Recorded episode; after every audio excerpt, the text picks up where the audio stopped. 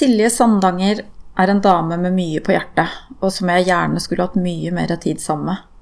Silje kom kjørende fra Bryne, og vi møtes på et kjøpesenter i Asker. Hun har gjort seg mange tanker rundt sin egen oppvekst, og hva følelser og opplevelser har betydd for henne i voksen alder. Silje ble adoptert bort som spedbarn i Norge. Hun har visst om biologisk mor i oppveksten, men traff henne først igjen som voksen. Hør Silje fortelle sin historie. Hei Silje, da sitter vi på en uh, nedlagt kafé i Asker. ja, Eller uåpna. ja. Du er her i helgen i forbindelse med et treff uh, med gruppen som heter Adopterte. Mm. Uh, hvor lenge har du vært med der? Eh, jeg tror det var Altså Det starta i januar i fjor at jeg oppdaget at det var en forening som heter det. Så jeg tror kanskje jeg meldte meg inn i februar. Ja. Eller april. Husker ikke helt. I fjor en gang begynnelsen av året. Mm. Var det noe du fikk tips om? Eller noe ja, det var litt sånn via via. Jeg, jeg, jeg var med i en, en reportasje i, i lokalavisa mi hjemme. Og så var det ei dame som leste den. Så tipste hun meg om en annen reportasje som hun hadde lest. Og så leste jeg den reportasjen. Og så står det henvist til Foreningen for adopterte i Norge. Mm. Så tenkte jeg oh, 'This is my family'. Og så tenkte jeg jeg må jo melde meg inn i det. Så gjorde jeg det. Ja. Det er, eh, Vi snakket jo litt om det på forhånd før vi begynte med podkasten her, men det er jo det å tilhøre en gruppe hvor du på en måte kan utveksle litt felles erfaringer, som mm. kanskje er litt ålreit å, å, møte andre som har òg. Mm. mm. Selv om det er veldig forskjellige historier. Ja, det er det. Mm. Absolutt. Hvor begynner din historie, Silje? Eh, min historie begynner på sykehuset i Stavanger. Eh, ja, eller han begynner jo når jeg blir unnfanga, da. det er litt usikkert når og med hvem, for å si det sånn. Eh, men eh, mamma eh, bærer meg fram da. Eh, det er et ganske brokete svangerskap med litt forskjellige uh, usunne ting. så når jeg ble født 16. mai 1984, så, så, vet hun på forhånd at hun ikke skal få ha meg med hjem. Så hun er klar over det. Mm. og så Da ble jeg lagt i en av disse plastboksene og sendt ned i babykjelleren, som vi kaller det. Og så ligger jeg der, og så var det noen dager, for jeg er jo noen foreldre klar til å hente meg allerede. Eh, så jeg blir henta når jeg er bare seks dager, tror jeg. Seks dager gammel. Jeg kommer rett fra sykehuset, rett hjem til, til mor og far. Så adopsjonen var eh, bestemt før fødsel, egentlig? Mm, ja, eller iallfall fosterhjemsplasseringen. Ja. Mm. Så jeg eh, fosterbarn Jeg heter, Det heter fosterbarn i ja, er det tre år, kanskje tre og et halvt år, tipper jeg. Og så blir det gjennomført en, eh, mm. en adopsjon, da. Men den um, kalles anonym tvangsadopsjon. mm. Mm. Så det var tydelig at det ikke var alle parter som var like happy for uh, denne bestemmelsen, da. Mm. Mm. Og, ja. Så jeg har tenkt mye på mamma, som bare holdt igjen så lenge, og tenkte hva, hvorfor da? Så jeg har jo tenkt uh, Jeg har jo hatt det godt, og så samtidig så jeg visste at hun òg ville ha meg, for det er som mor og far òg. Hun var sjuk, så hun kunne ikke ta vare på deg. Og da har jeg forholdt meg til det. Så samtidig har jeg vært Ja, men hvis du er syk, kan vi ikke besøke henne da? Hvis du er syk, stakkar, på mm. sykehuset, liksom. Mm. Så ja, nei, ja, eller ja. Det, så det, var, det, var, mange sånne spørsmål jeg tror jeg bare har hatt inni meg, mm. som jeg ikke har sagt høyt. For jeg har tenkt at det er litt skummelt. Tenk hvis hun blir frisk igjen, skal jeg til hun da? For det her visste ja. du tidlig, når du var barn? Ja, jeg kan ikke huske når jeg fikk vite det. Jeg har alltid visst det, liksom. Mm. Ja. Eh, de var åpne med deg hele tiden? Mm, hele veien. Ja, ja. ja. Og når uh, traff du biologisk mor første gang? Eh, fysisk så traff jeg den første gang på 21-årsdagen min. Det ble en sånn en, på en måte en ny start for meg å bare treffe hun som jeg lengtet etter hele mitt liv. Selv om jeg var bitte liten. Og det forteller meg jo bare at eh, hjernen vår er et fantastisk organ og husker ting som vi ikke husker. Altså, ja, og bare det der hvor gjenkjennelig det var. Hvor, hvor, hvor, mye som bare falt på plass var med treffene. Selv om det var med skalv og det var klønete og det var helt sånn rart, eh, så var det så naturlig og familiært og hjemme samtidig. Altså, jeg har jo tenkt på det hele mitt liv, for hun har jo sendt brev og ringt noen ganger. Okay. Selv om det var anonyme, så ble det det skjedde det som ikke skulle skje, men så skjedde det. Og jeg er så takknemlig for det. For hvis ikke jeg hadde hatt de små livstegnene for henne, så hadde jeg tenkt at hun ikke ville ha noe med meg å gjøre. Mm. Så, for, så selv om det var vilt forvirrende og eh, skakende til kjernen, så var det godt samtidig å vite at eh, en eller annen gang så blir jeg stor nok til å kunne finne det på egen hånd. Til Hvorfor- å kunne ta kontakt. Hvorfor ble det 21? Eh, det, det er en rekke hendelser som førte til det. Men jeg har alltid tenkt at eh, siden det var innad i fylket, i Rogaland fylke, så jeg tenkte hun er jo nærme. Så jeg har jo tenkt, jeg har jo gått og tenkt på butikker, liksom, hvis vi reiser til Kvadrat eksempel, så er det hun, er det hun, er det hun? Så jeg lett etter gjenkjennelige ting, og er det folk jeg er i slekt med? Så det er jo det er sikkert derfor jeg har så lett for å bli familiære med folk når jeg treffer folk. For de kunne jo like godt vært i slekt. De kunne jo like godt vært familien min. Så jeg er sånn litt naivt innstilt, men det har egentlig blitt et av de beste karaktertrekkene jeg har. At det er så lett å like folk. Jeg sliter med å mislike folk. Det syns jeg er vanskelig. så eh, Jeg husker ikke hva du spurte om. Eh, Følte du deg veldig annerledes eh, familien du vokste opp sammen med? Ja, jeg gjorde det. Altså, jeg pleier å si av og til Jeg, eh, jeg eh, er norsk utenpå koreansk inni. For det er så annerledes jeg følte meg. Eh, Og For jeg hører jo at de utenlandske adopterte sier at de er det motsatte. Eller hvis de er koreanske, da. Ok. At eh, det er mange som sier det, iallfall. At eh, de er norske inni og koreanske utenpå. Så for meg var det akkurat like forskjellig.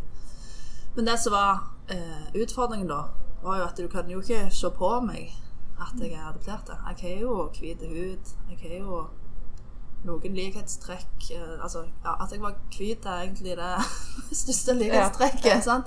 Så da tenker vi at det, når det ikke ser så forskjellig ut, så føles det sikkert ikke så forskjellig. Men for meg var det eh, himmelvid forskjell eh, på meg og deg. Hadde du flere adopterte søsken? Eller Ja, vi det- var flere. Ja, ja. Og det var like ulikt eh, Vi var jo veldig forskjellige. Eller Ja. er veldig Ja. forskjellige. Eh, Dine adoptivforeldre, har du kontakt med dem per i dag? Ja, Ja. ja, ja. ja. De er jo mamma og morfar eh, de luxe. Altså, de ungene, ungene våre elsker de, og de er fantastiske besteforeldre. Så jeg, ja, jeg er kjempetakknemlig for det. Og jeg får jo låne bilen deres hit til Asker. Ja. Så de er enormt sjenerøse, enormt rause og veldig ja, Jeg er veldig glad i dem. Ja. Veldig glad i dem. Så du føler egentlig kanskje bare at du har fått en ekstra forelder, du? At du har Eh, ja. heldig å egentlig få Jeg har jo det. Ja. Jeg har jo alltid tenkt at uh, Jeg har alltid tenkt Mamma fins jo, eh, men bare hvor og når kan jeg møte henne? Så det er jo på en måte vært lett å forholde meg til noe jeg ikke kan se. Og derfor er det jo lett å f.eks. tro på Gud, da. For han kan jeg jo heller ikke se, men jeg vet han fins. Litt sånn. Så det var også Jeg er, ja, jeg er sikkert ganske sånn barnlig inni meg, da. Eller ja. Alltid tenkt at det, er- det er jo masse jeg ikke kan se, som jeg tror på. Eller som jeg vet på, eh, på en måte. ja. Så det har vært rart og fint samtidig. Ja. Du har jo egne barn også. Har du tenkt ekstra på det etter at du ble mor selv? For jeg hører mange sier det. Absolutt. Mm. absolutt. Jeg er jo Altså, jeg vokste jo opp med en sånn tanke Jeg tåler ikke å bli mor. For uh, tenk hvis jeg feiler. Tenk hvis jeg blir syk. Tenk hvis det, alt går i dass, liksom. Det er ikke vits i å drømme engang. Og så traff jeg jo min kjære mann eh, når jeg var 26. Han var 23. Og da Ja, jeg hadde jo kysset et par frosker og et par rumpetroll før det, da. Eh, Men når jeg traff han, så forsto jeg eh, Å ja, er det, er det det Er det sånn det kjennes ut å ville lage en familie? Å ville være i familie med noen? Interesting. Så det ble en sånn sånn prosess inn mot helhet. Og bare ha plass til meg sjøl. Han romma meg, for jeg syns jeg har vært så mye. Jeg pleier å kalle meg 200 percenter. Jeg er både 100% adoptert og 100% biologisk. Eh, Så jeg har liksom to sett. Det er ikke løye, jeg har følt meg spalta her av og til. Eh, Men så romma han alt der, for han syntes ikke det var for mye. Han, eh, han tenkte bare 'dette er Silje, jeg elsker henne'. At bare det der å ha noen som liksom rommer deg Altså det er helt eh, åpenbaring for meg. eh, Ja. Altså når vi fikk uh, unge, fikk tre unger ganske, ganske tett, så var det det der første, Når første ungen kom, så var det sånn Hva gjør jeg nå? hvordan jeg var som mor? Så leser du deg jo i hæl, og du hører deg i hæl, og så sammenligner du med andre mødre og venninner og mor di, og tenker og undrer deg hvordan hadde hun vært som mamma hvis hun hadde vokst opp som mamma da. Altså, mange sånne ting. Så jeg drev og samla på mødre en stund. Så bare sånn OK, det, hun har noe jeg vil ligne på. Da elger jeg meg inn på hun. Og så, så spør jeg hun ja, hvordan gjør du det, hva tenker du om det? altså, litt sånn miljøskade. Jeg studerte litt journalistikk, så jeg merker jo at jeg er jo avhør av og til med folk. Eh, Når jeg ikke mener det. Var jeg bare så nysgjerrig. Å, lær meg alt du kan. Litt sånn. eh, ja, så har fått ei åndelig mor, for eksempel. Eh, det, ja, ja. Og det, hun betyr enormt mye for meg. Liv Berit Heimstad Tønnesen heter hun. Hun eh, sier Idar, min mann, av og til Du kan ikke hvis hvis det er noe vi ikke finner ut av liksom, på morafronten og sånn, du kan bare ta en telefon til Liv Berit. Jeg tror det hadde vært godt for deg. Ja, jeg tror det. Og så er det nice. Og så er det ikke, Mor er ikke en beskytta tittel. Det har jeg jo lært eh, på den eh, vonde måten. At det, alle alle kan jo være mor, alle kan være far. Altså, det er etter hva, både hva du ser på deg sjøl som. Jeg er i stand til å ta vare på denne ungen, samme om det er min eller ikke. Ja, det er jeg. Så blir du mor og far. Og så andre folk, så Ja, noen eh, som jeg bare ikke vil gi slipp på. Endelig. Så, ja, ja, jeg kan godt kalle deg datter, da. Nei da, det er ikke bare motvillig. Nei, men det Jeg husker ikke hvem vi snakket om. Så du er, litt, du er litt opptatt av å være ressursperson for Ja, andre også? ja, det er jeg. Ja. Rett Så og slett. ja, jeg eh, Ja, det er Det er liksom det, det som betyr noe. er Å kunne fortelle og si dette det, Sånn er det. Altså det. For meg har det vært opplevdes litt arrogant når eh, noen har sagt ja, men du vil ikke ha noe problem. Du ligner jo til meg. Så er jeg bare sånn eh, Ja, jeg ligner jo. Og det er bare 30 minutter ifra. Men den er så nær, men akk så fjernt. Virkeligheten jeg har levd i. Sånn, hun, er, hun er nær nok, og hun vet hvor jeg bor. Selv om hun ikke skulle visst det, så vet hun det. Eh, tenk hvis hun bare kommer og henter meg en dag. Og så har det vært sånn en, en sånn en fryktinngytende fryd, rett og slett. Helt sånn Helt sånn, Dette er ikke plass til disse følelsene på likt. Det var helt rart å forholde meg til. Fytti så, så good det hadde vært hvis hun kom, men fytti så skummelt. Jeg vil ikke flytte, men fytti det hadde vært good å ha noe her. Ja, litt sånn. Og så har det vært den Ja, det har vært altoppslukende i mange år. Jeg, liksom, jeg husker da jeg begynte på førskolen, da jeg var fem-seks år. da. Der jeg bare sitter i sofaen og leser en bok, ser på alle ungene rundt meg. Og så, så, så var tanken hvem skal jeg late som jeg er nå? Hvem, hvem er det nå jeg forventer at jeg er? Har det mye med identiteten å gjøre? At Ja. du aldri fant den, egentlig? da? Ja, det det er var liksom du, Jeg føler jo nesten at jeg holdt på å tilpasse meg i hæl. For det, det, er, det er lurt, nyttig uh, i en periode, men i 20 år er det ikke lurt å være tilpasningsdyktig. Og ingenting bra med det. Eh, Så hadde jeg jo noen eh, ja, noen ventiler og kanaler jeg kunne få ut aggresjon, frustrasjon når jeg spilte håndball. Kampsport med ball. Eh, Og der var jeg jo ganske Jeg fikk jo ganske mye frustrasjon på banen. Gjorde det. Det gjorde jeg. Hadde du noe annet apparat rundt deg som tok opp de følelsene gjennom oppveksten? Det var, følelse, nei, det var håndball. Den eh, tok ganske mye følelser. Så hadde jeg bedehuset, eh, der jeg spilte, i, spilte piano i et kor. Jeg var med og sang i kor. Ble kjent med folk som var ærlige om livet sitt, som eh, var tydelige, som var kjærlige. Og... Så den andre, den andre, det var ganske stor eh, kontrast å være på håndball og kjenne, kjenne hvor eh, rasende jeg kunne være. liksom bare sånn Konkurranseinstinkt. Alt i meg bare buldra. sant? Og så røde kort og sånt. Det var det jo litt av. Altså På bedehuset så har du en helt andre den der omsorgen. Den eh, Noen bærer meg. Eh, Selv om jeg ikke klarer å kjenne etter hvem jeg er engang, så merker jeg at her kan jeg iallfall komme hvis det skulle være noe. Her er det folk. liksom. Og der var det jo på håndballen òg. Det var jo trener, Det var jo Ja. Altså, jeg syns jeg var kjempeheldig som vokste opp med håndball og bedehus, liksom. I den komboen der. Ja. Men det var, det var liksom de verktøyene. Jeg, eh, psykolog var liksom ikke noe jeg tenkte at det var Nei, for det er det jeg tenker på. Det, det, men det fin, finnes kanskje ikke. Altså, du var jo, som du sier, fosterhjemsbarn først, og så ble adoptert. Mm. Eh, men når du da på en måte har blitt adoptert, så er du ferdig i systemet. Mm. Ikke sant? Ja, ja. du er ganske deg ja, sjøl. For uh, mens du har fosterbarn, så mm. er det jo noen i systemet som holder i trådene litt, grann, mm. har jeg skjønt. Ja. Men uh, ikke som ferdig adoptert. Nei, da er du mm. ferdig. da er det sånn You're on your own, liksom. Snakkes aldri. Ja, det skulle nok eh, Altså, jeg skulle likt det. Bare hatt en samtale i året, kanskje, hadde vært nok. Mm. Med liksom noen som kunne speilt meg og reflektert litt, sånn, litt følelser. Men så er det bare Samtidig så er det jo en utvikling på dette med altså hjerneforskning. Jeg følger litt med på sida. Liksom, ikke, ikke, ikke, utdannelse noe. Jeg var bare litt mm. hjerneforskningsnerd, for jeg har kjent sjøl hvordan min hjerne mm. er. og jeg lever jo med meg sjøl, så. Eh, så jeg syns det er veldig interessant å se eh, at det begynner jo fra omtrent innfangelsen av, altså inni magen til, til mor, så uh, formes du jo. sant? Mm. Det er jo ikke etterpå du formes. Du, da vokser du. Altså Du formes og vokser inni av, og så kommer du ut, og så er det Da er du, har du allerede et utgangspunkt. altså in, Implisitt hukommelse, som det heter. Det er hukommelseslageret som du ikke har ord for, som du ikke husker, men uh, kroppen husker. sant? Mm. Og så, på en måte, så finner du etter hvert eksplisitt hukommelsen når du finner språk for det, og når du ja, kan mm. uttrykke det. Så for meg har det bare vært sånn Jeg har alt dette lagret inni kroppen min. Eh, takler det ikke, men jeg vil jo finne ut hva det er.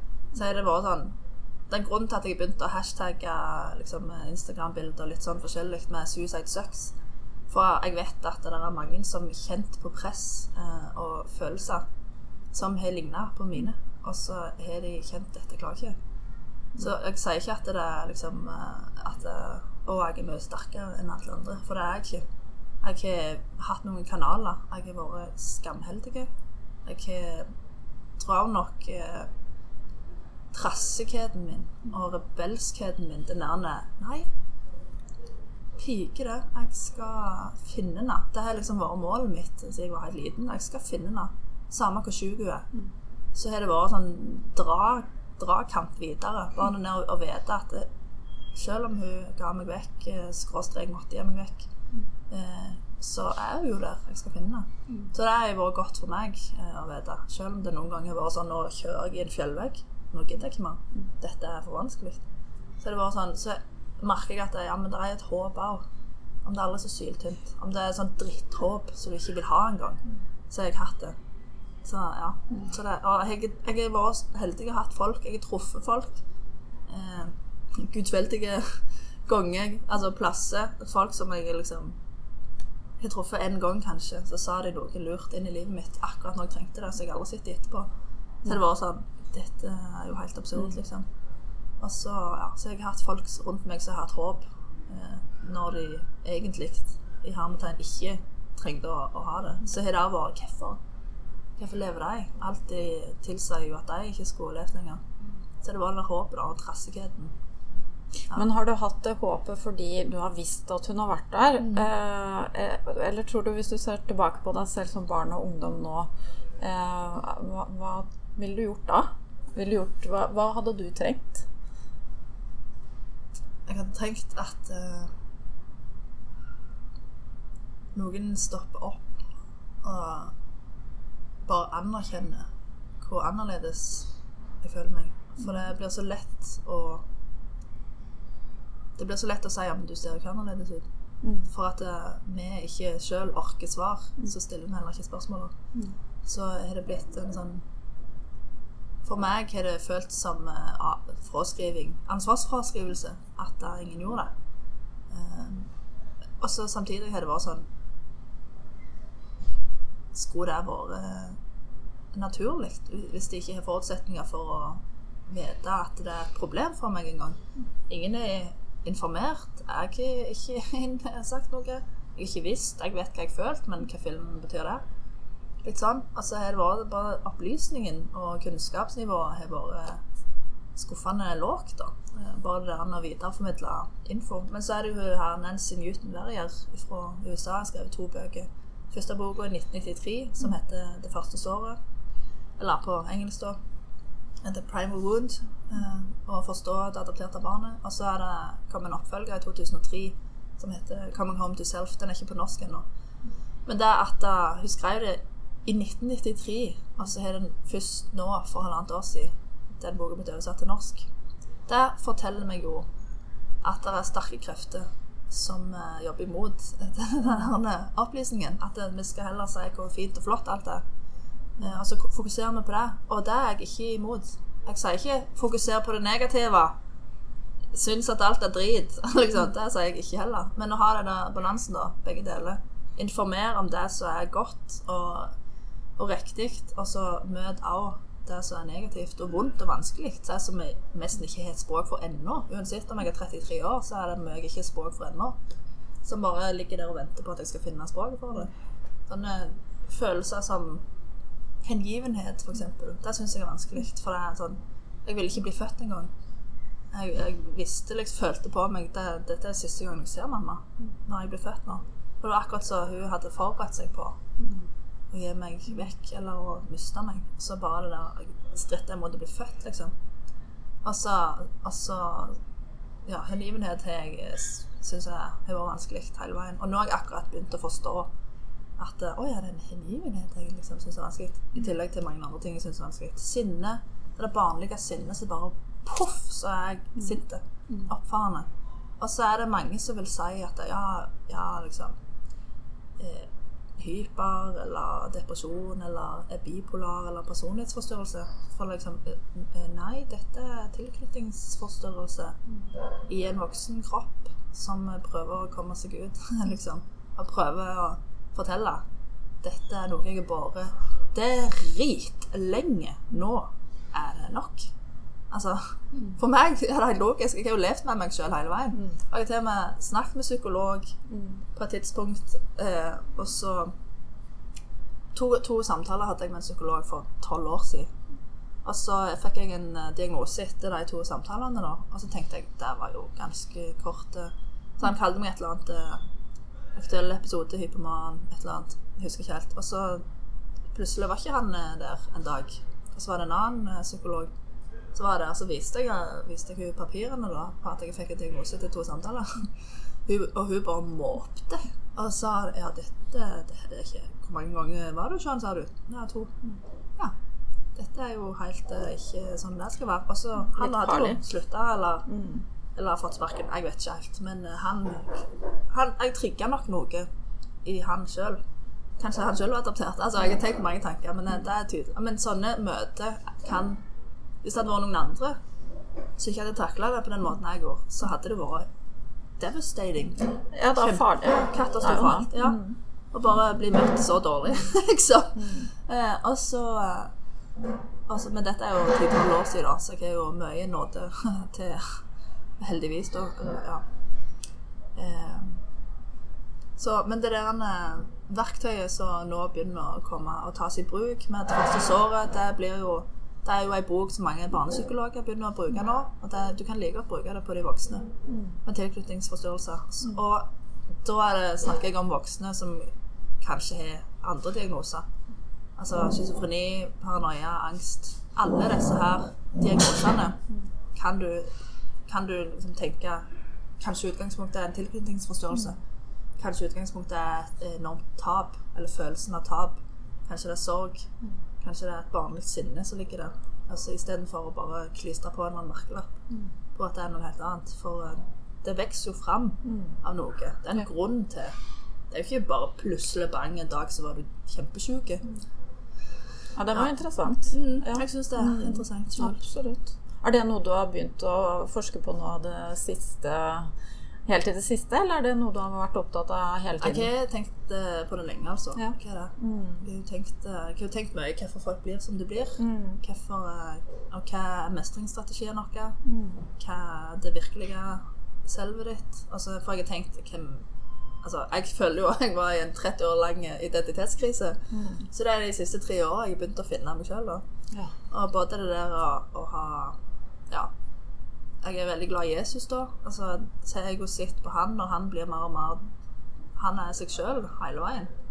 Eh, han forandrer seg aldri. Så det vært en sånn god opplevelse for meg å se liksom at noen, selv om han var menneske og Gud samtidig, liksom Så er jeg liksom ja, jeg er jo litt lik. Jeg er jo både adoptert og biologisk. Så jeg tenkte ja, jeg ligner på Jesus. Grei. Ja, bøse, liksom. Ja.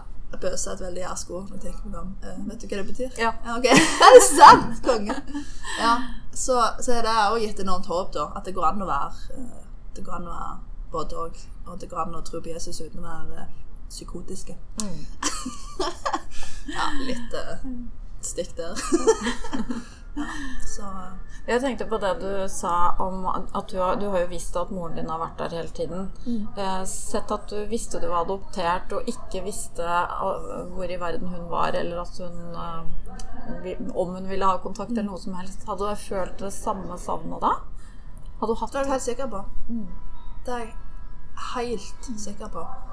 Så egentlig var det bare godt at hun var der litt innimellom og ga litt tegn. Selv om det var kjemperart og på en måte ulovlig i hermetegn. Hun hadde jo ikke Det skulle ikke skje. Og så skjedde det. Så er det sånn Hva film gjør du da? Ja, så Har hun fulgt med deg på avstand? Jeg tenker sånn uh, fysisk. At hun har fått se deg litt og uh, Hun fikk jo uh, noen bilder etter hvert. Ja. Eh, så hun har hatt et bilde. Altså når, når eh, det ble tilsendt et bilde, eh, så kopierte jo hun opp det bildet og ga til alle hun kjente omtrent. Altså hele familien, søsken og foreldre. Og. Så jeg, jeg vet at jeg som eh, ja, kanskje seks-sjuåring har hengt på Eller nå vet jeg det. Har hengt på veggene rundt forbi i, i forskjellige heimer. Så de, mange visste hvem jeg var, men jeg har ikke visst hvem de var. Og så har det jo i ettertid kommet mange folk som har sagt ja, jeg kjente familien din. eh, jeg, eh, ja, og liksom så viser det seg jo at jeg har spilt håndball med en biologisk slektning siden jeg var seks år gammel. liksom. Men hun, mora hennes kunne jo ikke si noe. Nei. For det hadde uh, ja, verken lov eller anledning eller behov kanskje for å si. Og litt det der, du skal ikke infiltrere en familie, du skal ikke gjøre sånn og sånn. Så jeg er egentlig glad for å vite det, for da føler jeg litt sånn jeg litt passet på, og hun kunne liksom rapportere i hermetegn tilbake igjen og se ja, det går bra, men hun har det fint. Ja, Ja, så bra. har det godt. Ja. Har, har eh, biologisk mor følt på samme savnet som du har? Ja, hun har det. Det var en uh, lengsel. Altså, vi, senest på onsdag så hadde jeg lag med henne. Uh, for vi begynte å skrive ned historien, da. Bare liksom Ja, fortellingen, rett og slett. Livshistorien. Både min og hennes. Og så bare ser vi hva det blir til. Et bokprosjekt. Eh, Jeg har veldig lyst til å kalle boka 'Geriljahjerte'. For hun er jo Hun er sannelig eh, vært i krigen eh, for å vinne mitt hjerte, liksom. sant? Og bare det der å kjempe kjempe imot ditt eget hjerte. For min egen del. Jeg kjenner alltid meg lengter til henne, men jeg føler ikke jeg har lov til det. Litt sånn. Og så er det det der geriljahjertet. geriljahjerte. Gerilja er litt sånn eh, ja, gå over til fienden og stjele våpen og bruke de sjøl. Så tenker jeg ja, ja. Jeg skal gå over til frukt. Jeg. Det er min verste fiende. Skal jeg fillen gå over til frukt, stjele alle våpnene han har, eller hun har, for å, for å bruke det i kampen eh, for det gode. da. For jeg tror ikke på frukt. Jeg tror på kjærlighet og frihet og fred og selvbeherskelse og alle disse tingene. De tror jeg på. Jeg tror ikke på frykt. Så, det, ja, så da er det bare det å høre henne fortelle. Jeg har jo så mye med meg. Det gjør så inntrykk å høre henne bruke akkurat de samme ordene som jeg bruker. Jeg er jo Jeg greide mange ganger. Jeg har brutt sammen mange ganger. Jeg jo føler ikke jeg har tenkt på annet hele mitt liv. Det er sånn, ja, check, check, check, liksom. Så skal du sitte der i fjerde klasse og lære matte, liksom, eller lære å liksom lese. Eller det lærte jeg jo tidlig, da, for jeg forsvant jo i bøkene. Jeg eh, slu, slukte det jo, for jeg tenkte andre fortellinger. Gi meg en annen fortelling. Jeg takler ikke min egen fortelling. Dette er øh, liksom. Så er det bare jeg slukt bøker. Ja, det ble min virkelighetsflukt. Så uh, merker jeg at jeg nå er klar for å skrive min egen fortelling og hennes fortelling. Det skremmer jo skremmer jo å vite liksom at eh, kanskje dette ja, det er en positiv skreving, da. Hvis du kan si det. Hvis det kan brukes til noe nyttig. noe lurt at jeg forteller, og at mamma forteller.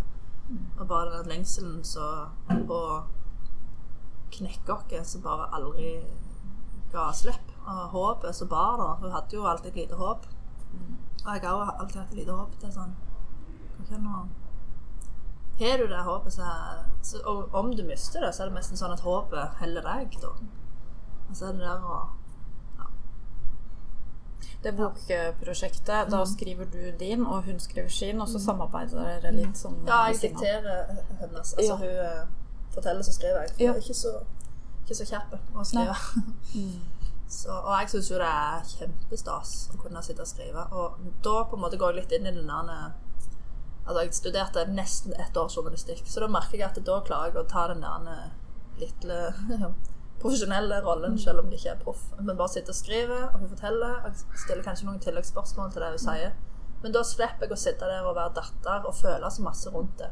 For da kan jeg heller reagere etterpå. Da kan jeg heller snakke om det etterpå. Og det gir meg òg tid til å roe meg ned. Hvis det er noe som er opprørende, hvis det er noe jeg hører som er opprørende, så så stopper kroppen liksom og bare Hva fillen? liksom. Eller sant. Da bare fortsetter å skrive. Jeg hever kanskje øyenbrynene og sperrer øynene litt ekstra. Eh, og så kan det være jeg griner litt eh, underveis. Og så, ja. Men jeg er ikke noe Det er liksom ikke Det er ikke umulig. Det er bare litt vanskelig. Men eh, jeg vil jo mye heller gjøre det rette enn det lette. For å si det sånn, da. Eh, og så merker jeg jo det Vi blir nærmere. Jeg blir kjent med henne på en annen måte. Både gode og dårlige sider med henne. Akkurat likt så er jeg ikke gode og dårlige sider. Og så kan vi bare sitte der og være to mennesker i lag. For Så, et fantastisk prosjekt. ja, kjempespennende. Å bli kjent med mammaen sin på Ja. den måten. Mm. Det er det. Ja. det, er det. Jeg kan anbefale alle Ja. å møte og noen de syns det er vanskelig å omgås og skrive bok, og så kaller det geriljahjerte. Rett og slett. Hashtag geriljahjerte. For det er, det er ikke lett, Nei. men eh, det er ikke umulig. Og det er rett. Det er riktig. Ja, det, det, det hørtes spennende ut. Og så tenker jeg så mye glede andre vil ha av dette her.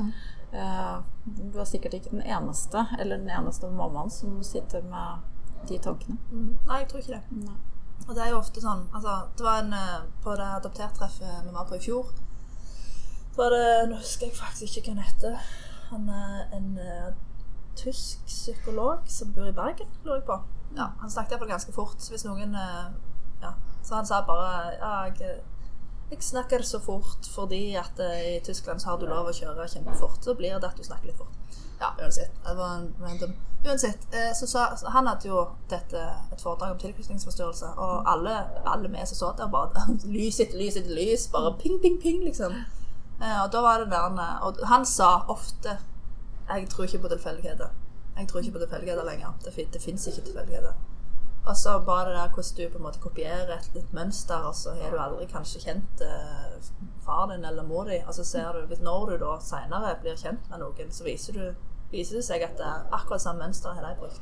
Det kan være småting, filleting. Det kan være så, så lite som Altså et fnugg, da. Et lite frø. Og så er det liksom det der frøet så du bare ser 'Fytti, så like vi er!'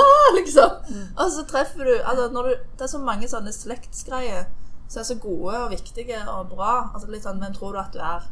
Så finner du en eller annen tipp, tipp, tipp, tipp, tipp, tipp. Bestefar. Og så bare kjenner du så rørende, liksom. Det sant, Det kan være så lite.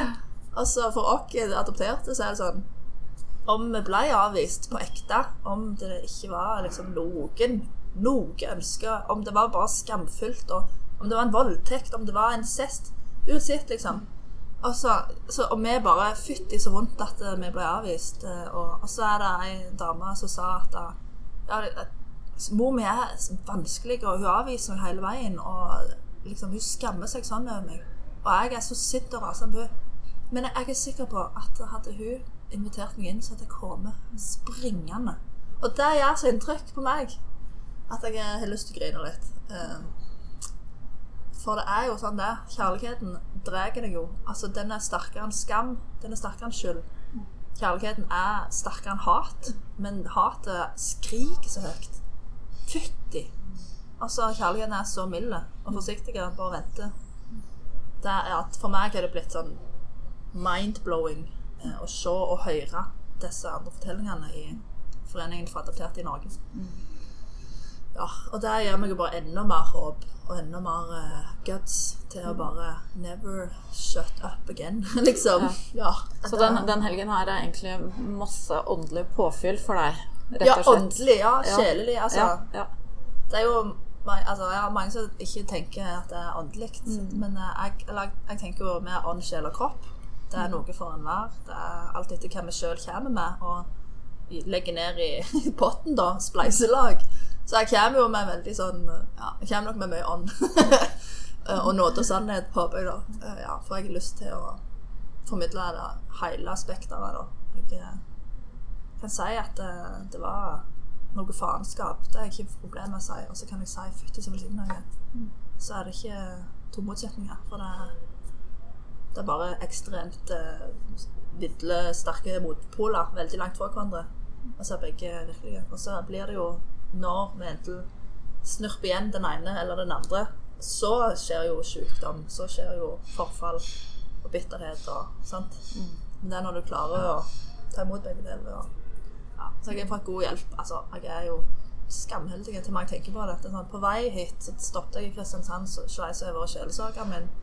Hun er jo 78 år og rebell som bare det. Altså, hun bare Jeg vet at dette er altfor vanskelig å be for folk, liksom. Sånt. Og, og det er jo jeg vet at Jesus kan gjøre det. Litt sånn, da. Altså, jeg bare syns det er nydelig å høre at dette er altfor vanskelig for meg. Men ikke for Gud.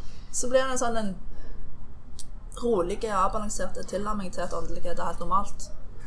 Ja, Så jeg har så ja, truffet såpass mange oppegående folk som ikke er psykotiske i det hele tatt, så er jeg kjempenær Gud og tror på Jesus og Helligånden og hele ja, pakken, og bare ser hvor sunne, flotte Altså gode folk, da. Balanserte. De vet hva som er vondt, de vet hva som er godt. Og så takker vi og elsker Gud for det, liksom. Ja. Ja. Jeg snakker mye om Gud. Håper ikke du tar vekk så mye av det. Det skal jeg ikke. Åh, ja. Ja, så, Men ja. din eh, erfaring og din historie, hva tenker du du har lyst til å Har du lyst til å Nå skal du lage bok, men har du lyst til å gjøre noe mer ut av det? Altså bruke de erfaringene dine Ja, altså Ja, til alt, holdt jeg på å si. Det er sånn, når jeg først bestemte meg for at jeg kan ikke tie om dette jeg. Eller jeg har jo både tidd og ikke tidd, for det har vært litt sånn når jeg hilser på nye folk, samme hvor liten jeg var, så er det sånn Hei, jeg heter Silje, jeg er adoptert. Det har nesten vært i samme setting, liksom. Og så, men det er liksom det er forskjell på å snakke om en ting og føle tingen. og så Nå er det jo med Jeg har begynt å studere med EQ-instituttet, som eh, ble starta av Hardis eh, Thoraldsdotter. Og Dora, tror jeg. Ja, Hardis. Ja.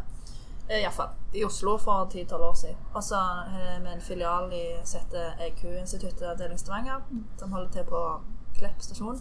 Og der er det jo det der emosjonell intelligens eh, eh, tankegangen, altså hvor viktig den er. For det er sånn med barn, med relasjoner med barn, undervurderte barndommen, flere bøker som Hardis har, da.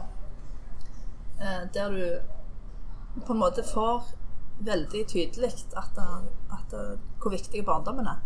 Så det er liksom 40-50-60 år gamle folk som merker at den knugende klumpen de har, var fra de er tre år, kanskje. sant? Og så, så går vi rundt en sånn døs og ikke fatter hvorfor vi har det som vi har det. Så er det ingen som kanskje tenker over en gang at det hadde noe å si med de seks første åra. Eller som ikke tårer, rett og slett. Det er frykten som gjør det. Det er derfor jeg hater frykt. Det sa jeg denne gangen.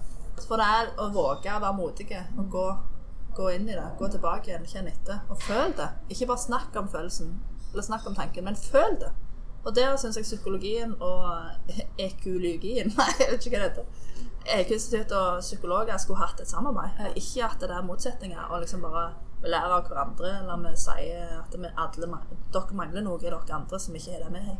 Men det der, det der sammenhengende, for vi er jo ånd, sjel og kropp. Vi er jo tanker og følelser. Når jeg hører følelser og fornuft, så har jeg blitt, blitt litt provosert. For det er akkurat som fornuften er motsatsen til følelsene. Og det er akkurat som følelsene er motsatsen til fornuften. Ja, så for meg er det jo kjempeviktig med begge deler. Å integrere følelsen, forstå den, snakk, liksom. Ja. Det finnes jo mange verktøy at, som vi kan bruke, og så er det å finne balansen i det. At du inkluderer begge deler. Ikke bare det ene eller det andre. Ja. Og kanskje det da med at kropp og tanke også, altså det her fysiske og det psykiske, at det er veldig har en veldig sammenheng mange ganger. At ikke det er motsetninger det heller. Stemmer det. Hva gleder du deg spesielt til nå, helgen? For da er det et program. Ja. Ja.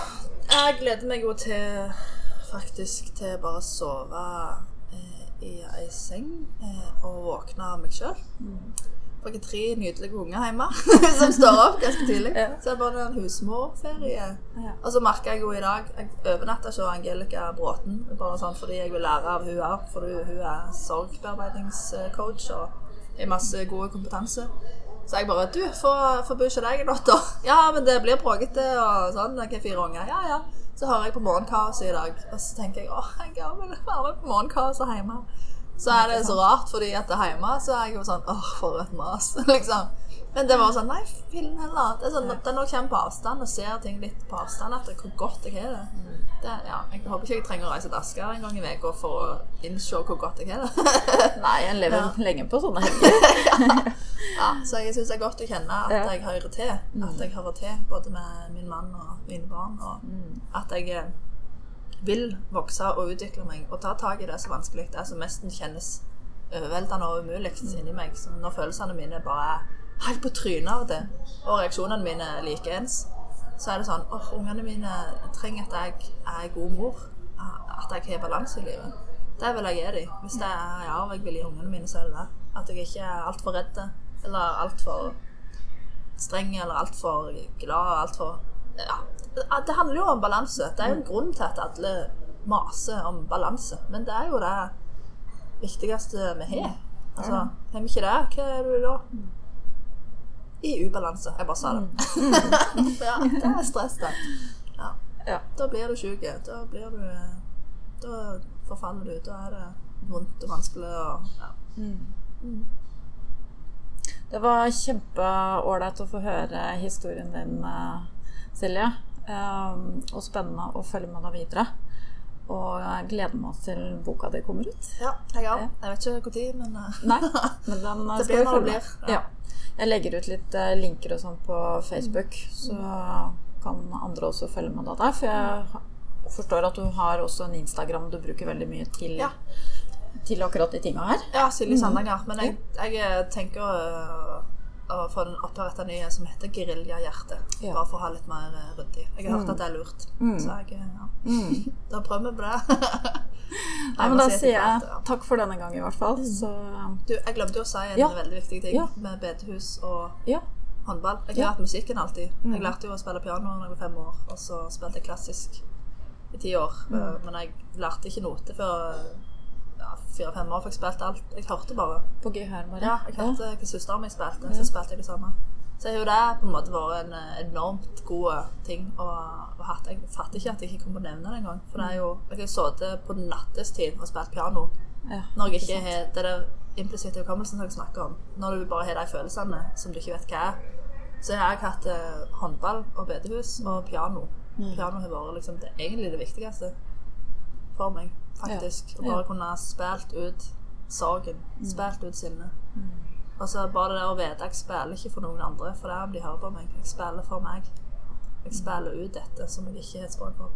Og så har jeg jo etter hvert begynt å skrive sanger og nærme meg, nærme meg et språk. Og så har jeg jo begynt å gi ut sanger som ligger ute på iTunes og Spotify. ja. Ikke sant? Så det er, ja, har vært Det er sånn en Med skriving og med musikk har vært ganske hånd i hånd, da. Min balanse. Min både òg. At det, har blitt en viktig ting. For, for jeg har skilt litt mellom tekst. Dette er en tekst, og dette er musikk. Men det der å kombinere det og se at det kan bli en sang, at det kan bli noe nyttig, det kan bli noe ja, potensielt livsforvandlende. Mm. for det har jeg lyst til å gjøre jeg har ikke lyst til å gjøre noe som ikke er potensielt livsforvandlende. Det gidder jeg ikke. For det er mange andre som kan gjøre noe middelmådig og halvhjerta. Jeg vil gjøre det helhjerta og geriljahjerta. og Linda. Og bare se hva som skjer. For jeg kjenner hva det gjør med meg sjøl, iallfall. Og jeg er ikke den eneste i verden som responderer på poesi og musikk. Og ja, Ja, det er sant. slikt. Ja. Om jeg får lov å lese et dikt, bare så du har det? Bare sånn, eh, ja, okay. Mhm, det må du gjøre. Åh, Det er så mange dikt jeg ville ha lest, vet du. Fikk melding fra mannen. Ja. Det er jeg som pleier, er å levere det i barnehagen. Ah, ja. Så sier han ungene er levert med pannekaker, matboksen, finfin måned, alt vel hjemme. Elsker deg òg. Hyggelig, da. ja. Og så ja, ja, veldig, veldig fint. God mann. I Darsananger, jeg bare sier det. Mm. Fågens beste skal bare finne dette diktet. Viktig å ha en sånn klippe. Hva er det? Fytti, jeg hadde jo ikke sittet her hvis ikke. Nei. Det hadde jo ikke hendt. At det var en som sender meg av gårde for å Ja, gå og elsk noen hjerte. Gå og forandre verden litt. Kom igjen. sånn, ja, ja, ja, ja. Så er det jo, koster jo. Det er jo han som holder fortet hjemme. At jeg vet jo det koster. Så der er jeg jo ekstra kjempe mm. Og jeg vil jo bli den beste versjonen av meg sjøl. Jeg vil jo være det. Så et fredløst folk, eller en fredløs flokk, kan jeg godt hete. Ok, da leser jeg på bokmål, sånn at det et, eh, ja. Vi er et fredløst folk, plassert i en fremmed verden uten tolk. Vi lever og puster og kjemper og slåss, ser oss over skuldra, kommer de og tar oss. Vår sjel, en rusta gammel holk. Vi er de heldige få, de som kom til hjem med god råd. Vi ble henta, funnet og fått. Noen av oss ble banka og slått, men i det minste hadde vi en plass å gå. Vi lever to ensomme liv. Det ene biologisk, det andre adoptiv. Vi hører til både her og både der. Likevel kjenner vi oss mer fjern enn nær. Vi puster med lunger smale som siv. Vi er det statusløse forskningsobjekt. Vi er det sosiale eksperimenteringsprosjekt. Vi er mange, og vi er få. Vi har mistet altfor mange til nå. På tide at vi høres. Slutt å nekt. Vi er eksperter på egne historier. Vi har praksis i blodet og bærer ingen glorier. Vi skal ikke være engler eller demoner. Vi skal være barn, ektemenn og koner. Vi er stemmene som synger de vakreste oratorier. Du kan kneble oss på føtter og hender. Du kan stjele fra oss alle våre venner. Du kan kalle oss mangt. Du kan tøye strikken langt. Men til slutt er det vår fortelling du kjenner. Vi vil ikke bruke makt. Vi ønsker å spille i takt. Om det går mange år, om vi mister vårt hår, vet vi at vi trenger å få det sagt. Vi er her for å, for å være til gagn. Vi kan godt brukes som agn. Vi er her for å dele alt vi er. Vi kan bidra i samfunnet med lytt og lær. Vi vil avmytifisere det eldgamle sang. At barnet ikke husker da det lå inni magen den gang. Vi husker mer enn du tror. Det sitter i vår kropp, et fjell uten fjord. Det sitter i sjel, og det vil slippe inn, men du sier at det bare er oppspinn. Spis dine ord. Vi husker mer enn du tror. Det sitter i vår kropp, et fjell uten fjord. Det sitter i vår kropp, ei sjel uten mor. Vi er følelsesord enn vi tror.